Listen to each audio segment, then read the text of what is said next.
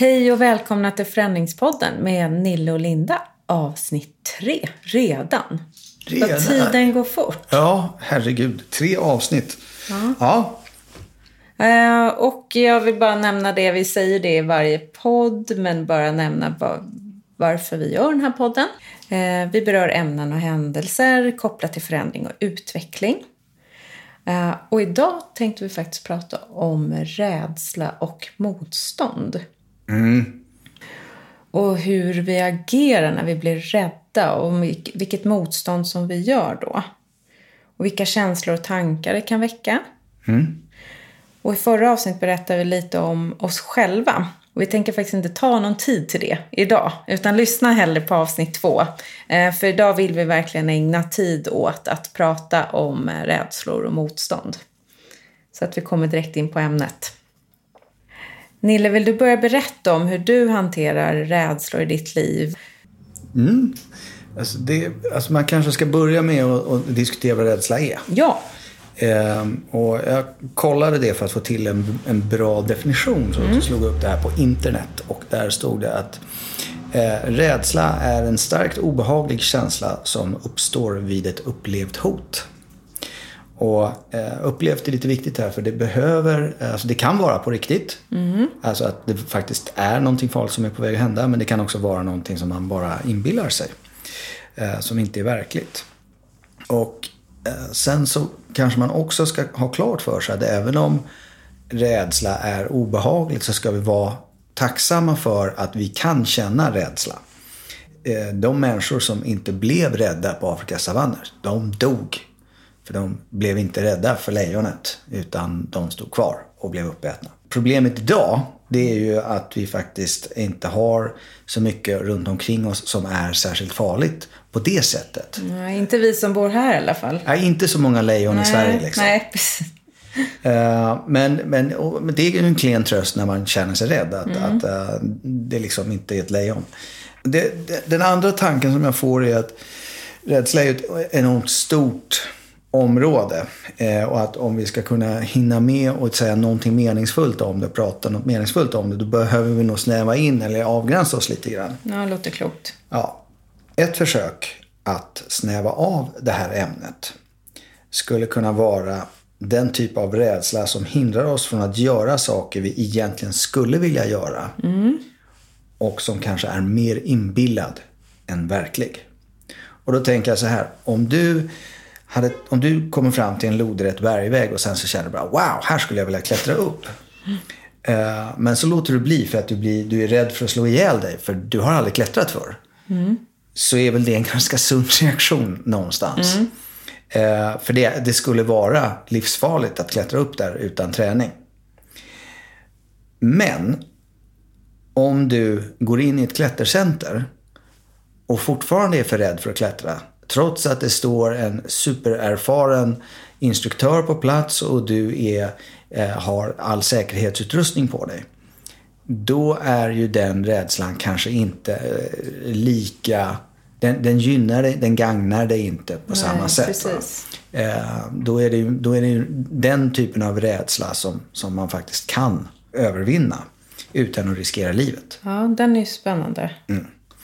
Eh, och sen tror jag också att vi bör göra klart för oss att, eller i alla fall avgränsa oss till att prata om den typ av rädslor som i någon mening är normala. Alltså att man blir rädd för något utan att det övergår i fobi.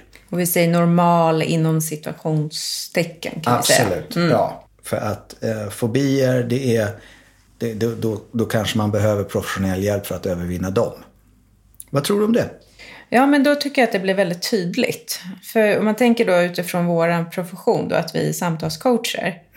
Eh, så kan vi coacha inom det som vi benämner då som normal rädsla inom citationstecken. Alltså inte rädsla som är grundat i trauma eller fobier. Exakt. Precis det du sa. För då krävs det en annan typ av en terapeutisk hjälp, ska jag säga. Exakt. Så om, om jag då går tillbaka och försöker nu försöker besvara eh, din fråga, hur hanterar jag rädslor? Alltså det är väl bäst att man tar ett verkligt exempel här. Ja, jag tror det. Ja. Så jag är rädd för att tala inför grupper. Nej. Jo, det är jag. Eh, och det är kanske inte så ovanligt, men, men det är opraktiskt eh, om man då ska vara, om man har varit chef som jag har varit i många år. Mm. Eh, eller i min roll som konsult när jag regelmässigt måste ställa mig upp inför en stor grupp människor och prata. Då, då blir det inget bra om man är rädd hela tiden. Och den här rädslan för att tala inför grupper går ju tillbaks till en rädsla för att misslyckas och för att göra bort mig. Mm. den har jag ju behövt hantera eh, eftersom jag av någon anledning har sökt mig till jobb där jag har behövt prata inför grupper. Och då har jag väl eh, följt de det råd som kanske är allra vanligast. Va? Att jag har, man ska konfrontera sin rädsla. Mm. Det vill mm. säga, är du rädd för någonting så hur ser, prova det. Hur du ser du på det? Nu flikar jag in med en fråga. Mm. För jag tycker den, den där är lite intressant. Mm. För det, det är liksom någonting som vi har lärt oss. Mm. Eh, lite till mans. Att man ska konfrontera sin rädsla. Mm. Men är det verkligen så lätt? Nej, det är inte lätt. Nej. Det, det, det finns inget lätt med det. Det är som med skräckfilmer. De är ju som allra läskigast innan man ser monstret. Sen kommer monstret fram och då, då, visst, det kan fortfarande vara skrämmande men det är, det är den här krypande spänningen mm. eh, innan som, som faktiskt är riktigt, riktigt obehaglig. Just det. Och på samma sätt så när man konkretiserar mm. det som man är rädd för så märker man att det, det, det, får en form och blir mer hanterligt. Är man rädd för att tala inför folk så jag har talat inför folk. Jag har gjort det ändå. Och det är ju det här, det här frivilliga momentet eh, som, som jag har konfronterat min rädsla. Sen har jag ju då synnerligen ofrivilligt faktiskt också konfronterat andra situationer, alltså där jag har misslyckats kapitalt. Stått inför folk och gjort bort mig. Och får jag stoppa dig där? Ja. Eh, när du säger misslyckas kapitalt mm. eh, så blir jag lite nyfiken. För, mm. för vad, vad menar du med misslyckas? Vad, vad, är det som kan hända när man ställer sig inför en grupp människor? Vad är det som ja. skulle vara mest obehagligt? Mm. Och för mig har det varit då att jag ska tappa tråden. Just det. Jag står där uppe och vet inte vad jag ska säga och alla tittar på mig. Vad händer hos dig då? Eh, det har hänt. Ja. Och, vad händer hos dig då? Eh, jag vill springa därifrån. Ja, fly. Fly ja. direkt. Ja. Eh, och jag rodnar. Mm. Och, och eh, så, så, verkligen obehagligt. Mm. Är det att misslyckas menar du? Det, ja, det är att misslyckas i, okay. i meningen att, att Upplever i, du det så? Ja, in, inom, inom, inom ramen för vad innebär det att tala inför en grupp. Just det. Så är det ju, om du lyckas med det så gör du klart, då, då säger du det ja. du vill säga. Om du glömmer vad du ska säga så har du inte sagt det då. Nej. Och då har du misslyckats. Mm. Vad händer då hos dig? Jag känner mig liten. Uh... Är det lilla Nils som kommer fram? Ja, nej, men då är det, ja nej, men det är lilla Nils som mm. kommer fram. Mm. Absolut. Mm. Vad behöver lilla Nils? Nej, men han behöver väl någon som säger att det är okej. Okay. Mm. Att, det är, att det är ingen fara. Att det kommer bli bra. Mm. Och om man skulle få fatt, märker du nu, nu mm. coachar jag dig lite. Ja. Jag bara tänker för att jag tycker det är så himla spännande. Mm. Just för att vi pratar om så att man, man tappar tråden och man eh, står där och är helt tyst mm. och alla tittar på en, mm. upplever man ju. Mm. Eh, och då ser man det som ett, ett misslyckande. Jag tänker, jag tänker på lyssnarna nu. Ja, eh, och att de, att de kan känna igen sig. Ja. Och vad jag vill egentligen få fram här är att här handlar det ju om att få fatt i den här som du beskriver då, det, det, du känner dig liten. Mm. Och att snabbt kunna säga så här, okej, okay, det är okej, okay. jag tappade tråden nu. Mm. Jag, jag, accepterar att jag tappade tråden. Mm. Eh, för då fokuserar man mer på att på själva händelsen, att jag tappade tråden, än på själva känslan av den här rädslan man har i kroppen. Absolut. En tanke bara. Mm. Och då kan man kanske snabbare också komma tillbaka till ja. tråden, så ja. att säga. Ja. Och hade jag vetat allt det där ja. då, ja. så hade det nog känts jättebra. Men det gjorde jag inte. Nej. Så det kändes som jag, som jag dog. Men det gjorde jag ju inte. Jag sitter här och pratar om det. Mm. Eh, och jag har, gjort, jag har gjort många andra grejer också som, som är... Alltså jag har på riktigt svimmat vid ett tillfälle när jag skulle prata inför människor. Ja. Eh, Så det, det, här är ju fruktansvärda eh, minnen. Mm. Eh, inget kul alls. Eh, och de har ju inte gjort mig mindre nervös, om man säger. Eh, men det som man kan lära sig då av det här, mm. det är ju att faktiskt då för sig själv benämna och sätta ord på vad exakt är det som jag är rädd för? Exakt. Att gå in i obehagskänslan inför att tala inför en grupp människor och fundera på vad är det som kan hända här? Jag kan glömma bort vad jag ska säga. Eh, jag kanske inte kan materialet tillräckligt bra. Skämtet kanske bombar. Jag svimmar. Eh, jag tappar byxorna. Vad det nu är. Va? Och, och liksom ta, ta allt det där som du tror kan hända och liksom skärskåda verkligen det. Eh, och sen så när du har gjort det så kan du också börja fundera på, okej, okay, men om jag nu tappar tråden, vad ska jag göra då? Eh, hur, hur, hur räddar jag den situationen? Ja. Eh, och om jag nu är rädd för att jag inte ska kunna materialet, vad är det då jag kan, vad, vad kan jag göra för att hantera det? Om jag är rädd för att tappa byxorna, så, men investera i ett bra bälte. Eh, liksom, inte det. Eh, och, och svimmar man så är det ju liksom inte så mycket att göra. Utan då, då får man vänta tills det är över. Det. Eh, men men det, det är kanske inte är någonting som är sådär jättevanligt. Men, och det som jag har då gjort är ju att jag har, alltså, man lär sig ju saker naturligtvis. Att, att presentera, eh, jag, jag, en gång så var jag med om och, och försökte presentera en powerpoint-presentation som jag hade fått ifrån eh, mina chefer på, eh, i ett annat land. Oj. Och, utmaning. Ja, utmaning. Mm. Och jag förstod inte allt som stod i den här powerpointen. Men det var så himla mycket där så jag tänkte det där, ja, jag tänkte inte så mycket på det. Nej. För att jag var ung och grön. Och eh, naturligtvis så fick jag ju frågor om just de grejer som jag inte förstod. Läskigt. Ja, det, det, det, var obehagligt. Det, var en, eh, det här var ett säljmöte och de köpte inte. Så kan man väl sammanfatta det. Um, Till lärokontot klarade det då? Ja, det mm. var en dyr lektion. Mm. Men uh, det jag gör nu är ju att jag är alltid minutiöst förberedd när jag ska mm. hålla presentationer. Uh, så jag kan alla slides fram och baklänges. Mina egna, jag kan de som mina, mina kollegor ska presentera. Uh, jag har tänkt igenom så många frågor på materialet som jag kan komma på. Eh, och vad svaren ska vara på det.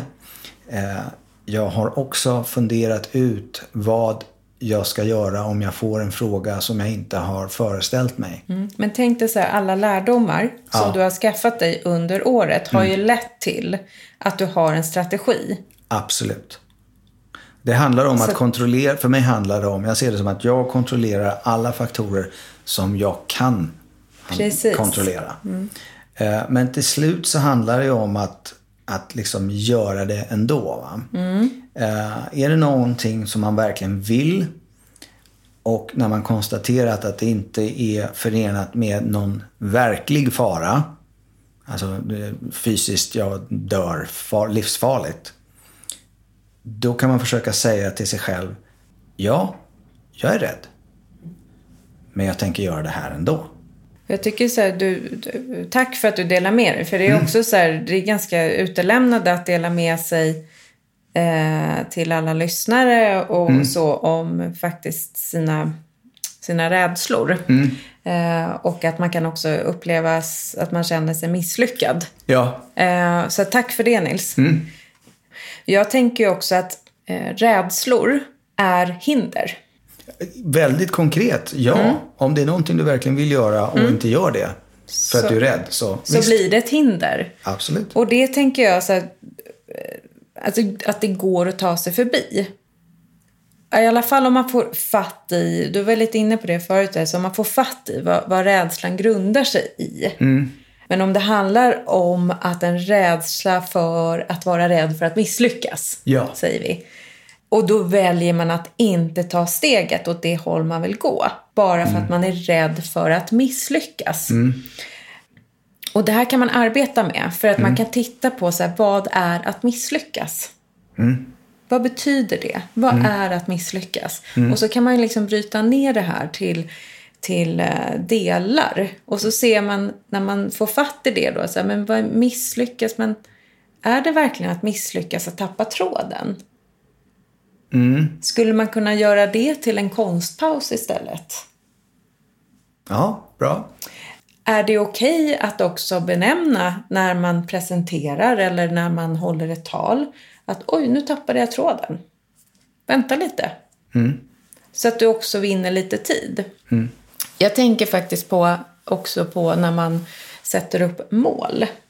Eh, eller man kanske har en dröm om att om ett år från nu så vill jag, vill jag ha ett nytt jobb. Vi, vi pratar, kommer väldigt mycket tillbaka till så här jobbsituationen. Vi säger jag vill ha ett nytt jobb från och med om ett år. Okej. Vi säger att du ska ha ett nytt jobb. Det tar ju ändå ett tag och, och eh, söka jobb och det är inte alltid man får komma på anställningsintervju och så. Så ett år är en ganska rimlig tidshorisont, tänker jag. Då är det ett önskat läge där man kan titta på så här, okej, var befinner jag mig om ett år? Om du kan visualisera det för dig själv. Att okej, jag har ett nytt jobb där jag får vara självbestämmande, jag får jag förstår syftet med det jag gör, jag känner mig motiverad. Det är, de käns- det är den känslan jag vill ha när jag är på det här nya jobbet. Okej, men vad behöver jag agera då? Hur behöver jag agera då för att nå dit? Jo, jag behöver sätta upp ett- en plan för, okej, jag behöver skriva klart min CV, jag behöver kontakta mitt nätverk, jag behöver söka jobb. Men vad är det för hinder då? Vad är det för något som gör att jag har den här längtan, men jag tar inte steget dit? Är det rädslor som gör att jag inte vågar ta mig framåt? Ta då, våga agera på att okej, det här behöver jag göra för att få ett nytt jobb. Är det för att jag känner mig bekväm på min arbetsplats? Jag vet vad jag har, men jag vet inte vad jag får. Det är lä- läskigt att inte veta. Ja, det är ju, ett nytt jobb kommer ju definitionsmässigt att vara nytt och okänt. Ja, Och det som vi inte känner till kan vara skrämmande. exakt. Men om du får fatt i det, då är det så här, okej, men vad blir konsekvensen då om jag är kvar? Eller söker mig vidare? För att alternativet kanske inte är att vara kvar, då måste jag agera. Ja, Och då, kanske, då, då ser jag den här rädslan som du har byggt upp. Det är ett hinder som går att kliva runt eller kliva över. För att du definierar hindret. ja nej, men så kan det nog vara. Det jag tänker på är ju att i det jobb som man har Ja, så vet man ju att man klarar av det. Precis. Du vet vad du har. Du vet vad du har och du vet att det här är ett jobb jag klarar. Det är väldigt f- små risker med att, att fortsätta jobba där. Men sen så kommer du till ett nytt jobb. Och du vet inte om du kommer att klara av det. Du kanske tvivlar på dig själv. eh, Och är rädd för att misslyckas på det nya jobbet helt enkelt. Precis, men istället för att fokusera på att på rädslan för att misslyckas, fokusera på dina drivkrafter. Vad är dina drivkrafter? Är det att du har en stark vilja att göra en förändring? Om viljan är starkare än själva rädslan, då är det en drivkraft Absolut. som du ska använda dig för att kliva över det här hindret. Så För att, för att själva ordet rädsla eh, väcker ju ganska mycket känslor. Det är obehagligt som Det är tusan. obehagligt. Men om man tittar på det som ett hinder istället för en Precis. rädsla. Och då så man laddar ur det lite grann. Exakt. Hur, förstår du hur jag, tänker? Jag, jag, tror, jag tror att jag förstår faktiskt. Det är ja, men just det här att ladda ur det eh, och, och inte se det som något slags absolut. Mm. Eh, som någonting verkligt. Precis. Utan som någonting som finns i mig. Mm. Som, som hindrar mig från att genomföra det jag vill. Precis. Då blir det mer som ett problem som ska lösas än någonting som är stort och läskigt och, och odefinierat. Exakt. Är det, är det? Ja, exakt så. Det är en tanke jag har. Ja, det är tycker- en ja. sanning av många. Ja, nej men alltså det, men det som slår mig här är ju då att hinder är ju jobbiga att ta sig över. Så man behöver vara rätt motiverad. Motivation är väldigt viktigt, ja. Och det, så det, man måste verkligen tänka igenom då, precis som du säger, vad, varför vill jag byta jobb? Vad är det jag vill uppnå? Precis. Eh, och hur vill jag att det ska se ut om, om ett år? Och ha den bilden otroligt klart för sig när man då ska ta sig an den här utmaningen att, Ja. att slå igenom rädslan och göra Exakt. det ändå. Och så att sätt, det kan ju vara så här enkla grejer som så här, skriv, en, skriv eh, ett, en symbol eller rita en symbol eller skriv ett ord som symboliserar det här, eh, det här önskade läget. Sätt, skriv det på en post-it-lapp och sätt det på kylskåpet eller sätt det på nattduksbordet. Någonting som gör att du blir påmind om vart vill du vara om ett år från nu. Som håller det levande. Ja, som håller det levande. Det behöver inte vara mer komplicerat än så. Nej. Men jag tror så här, vi går och tänker väldigt mycket på saker vi skulle vilja göra. Men som vi inte gör för att det finns rädslor som vi inte tar hand om eller som vi inte för upp i ljuset. Eller hinder som jag ser det. Här tror jag också, så här, vi pratar ju mycket om hur, hur man ska konfrontera sin rädsla.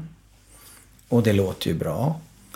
Och du pratar om att ja, men det är ett hinder och, som man kan ta sig över eller runt eller på något sätt hantera i alla fall. Va? Och, och det är ju som koncept så är ju det bra. Jag gillar det. Men vi när vi inte poddar utan mellan våra poddavsnitt så har vi pratat om det här med att vi behöver bli lite konkreta också. Just så det. Ja. Eh, Så jag tänkte, man kanske så här, men hur gör man då? Ja.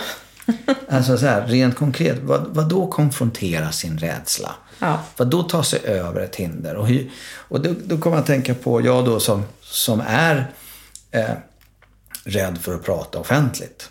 Vad skulle kunna vara, det, någonting riktigt läskigt som skulle kunna hända mig är ju att jag skulle prata på min bästa väns fest. Jag kanske har, eh, eller någon kanske blir bjuden eh, på ett bröllop och inser att de har blivit marskalk eller, eller tärna och nu så ska de, nu ska de hålla ett, ett, ett tal Just det. inför hundra människor. Kan ju förstöra hela festen. Absolut. Ja.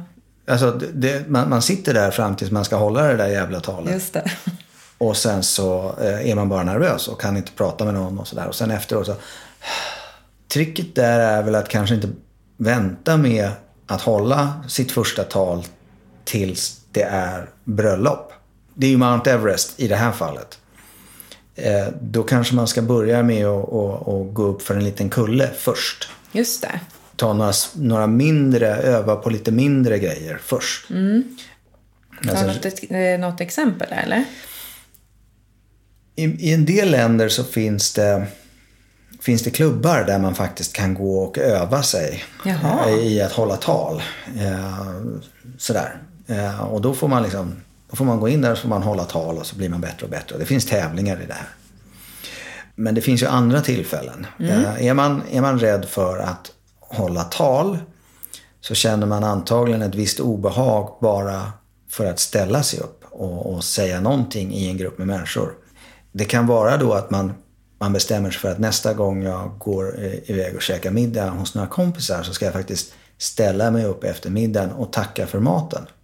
Och man ska förbereda det. Och då behöver det inte vara ett tio minuter långt tal.